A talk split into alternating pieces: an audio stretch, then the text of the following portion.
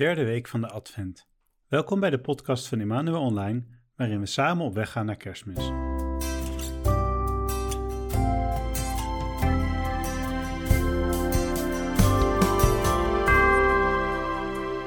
Afgelopen zondag was de openingstekst: Verheug u in de Heer te alle tijden.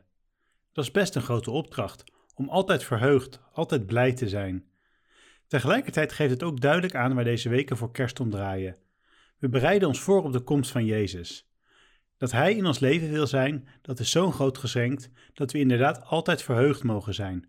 Ook als andere dingen misschien wat minder soepel of goed verlopen. Met de komende lofprijzing willen we je uitnodigen om een stap te zetten in deze vreugde. Alle kinderen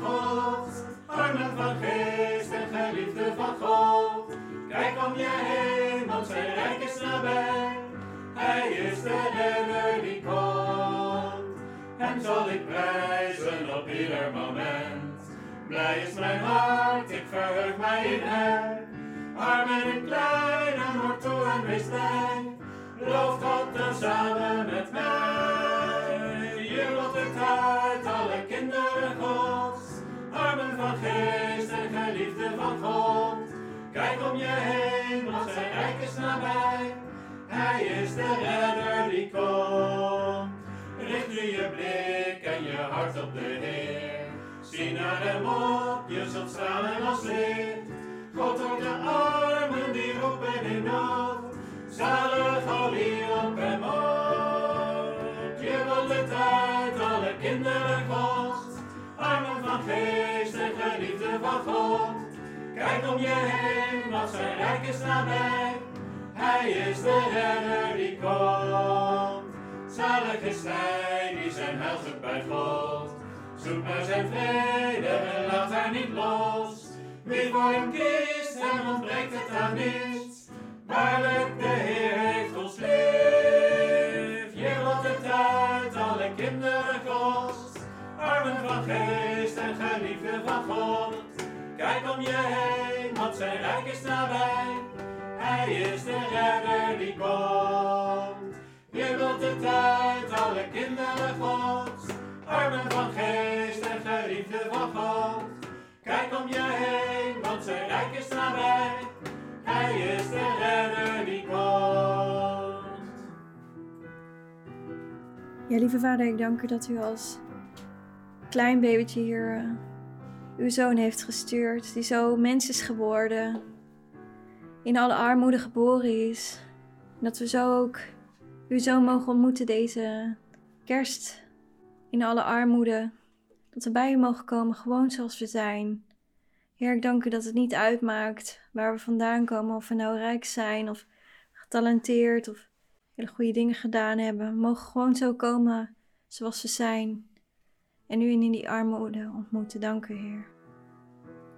Geprezen zij de Heer, God van Israël, die omziet naar zijn volk en het bevrijdt. Een redder die verlost, heeft hij voor ons verwerkt, in het geslacht van David zijn getrouwe. God met ons, komt tot ons, bezoekt zijn Israël. De Heer Emmanuel. Profeten van de leer uit de machten van het kwaad. Barmhartig is de Heer, zijn eed doet hij gestand, vervult wat hij aan Abraham belooft. God met ons, komt tot ons, bezoek zijn Israël.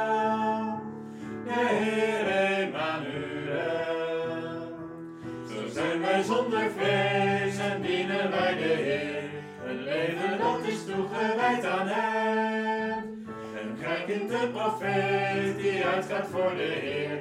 Bereidt zijn weg en maakt zijn paden recht. God met ons, komt tot ons, bezoek zijn Israël. De Heer Emmanuel. Verlossing wordt ons deel, vergeving valt ons toe. De Heer is van barmhartigheid vervuld. Als een nieuwe dag die opgaat over ons. Zo leidt hij naar de vrede onze weg. God met ons, komt tot ons, bezoek zijn Israël. De Heer Emmanuel. Lieve moeder Maria, dank u wel dat u een voorbeeld voor ons bent hoe we ja kunnen zeggen tegen God. Toen u nog maar heel jong was en de engel bij u kwam en voorstelde wat God van plan was. En dat door uw ja-woord, dat u open stond voor Gods plan, Jezus in de wereld is gekomen en op die manier ook Jezus in ons leven kan komen. En we willen u vragen om komende week voor ons te bidden, opdat wij ook ja kunnen zeggen op alles wat God op ons pad brengt.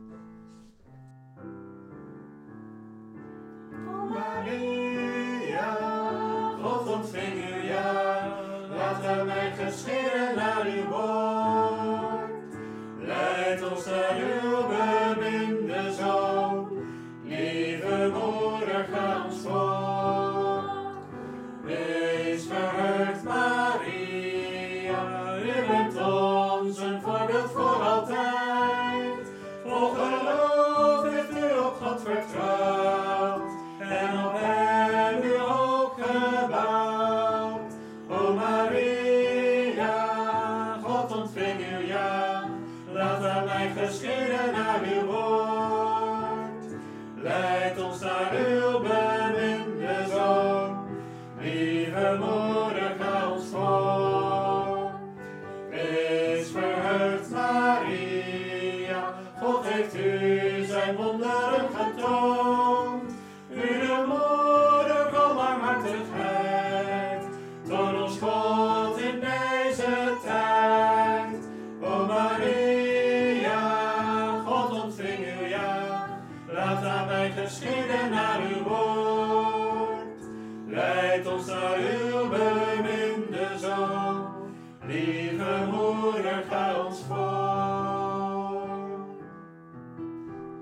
Uit het heilige evangelie van onze Heer Jezus Christus volgens Lucas.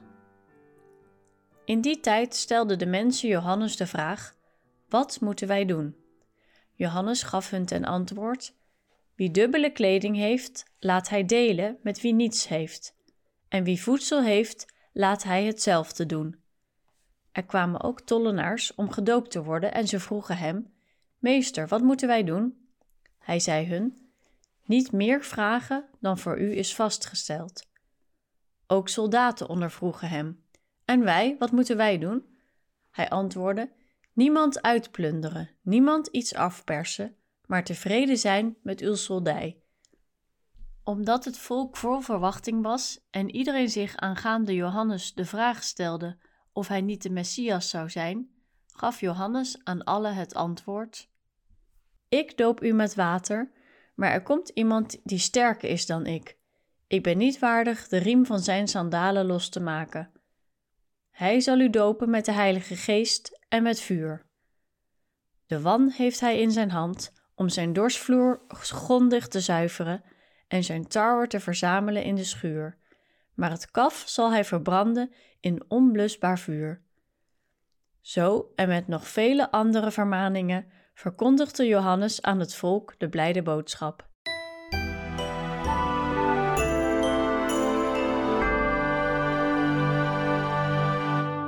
Wat moeten wij doen om een goede adventstijd te hebben, om de komst van de Heer voor te bereiden? De mensen die de oproep van Johannes de Doper hebben gehoord, bereid de weg van de Heer, die vragen hem, wat moeten wij doen? En zijn antwoord, dat verbaast ons misschien. Want wij denken vaak dat we dan alles moeten veranderen, dat we ons hele leven op zijn kop moeten zetten. Maar Johannes die zegt, als je dubbele kleding hebt of genoeg te eten, deel met hen die niets hebben. We hoeven dus niet alles op te geven, maar gewoon delen van onze overvloed. En de tollenaars en de soldaten die krijgen niet te horen dat ze een ander vak zouden moeten zoeken, omdat hun beroep niet te verenigen zou zijn met de wil van God. Nee, gewoon eerlijk je werk doen, zoals het hoort. Dat is allemaal nog wel te doen. Gelukkig maar. En waarom hoeven we niet meer te doen? Omdat we wachten op de komst van de Verlosser. Hij komt niet pas als wij zelf de wereld in orde gebracht hebben. Nee, hij komt juist om onze wereld te verlossen. Op zich is het voor ons al een hele stap om niet alles voor jezelf te houden en eenvoudig je plichten te doen. Maar het doorslaggevende, dat zal God zelf doen. Hij zal ons nieuw maken. En dat is de doop met de Heilige Geest, die ons hart verandert.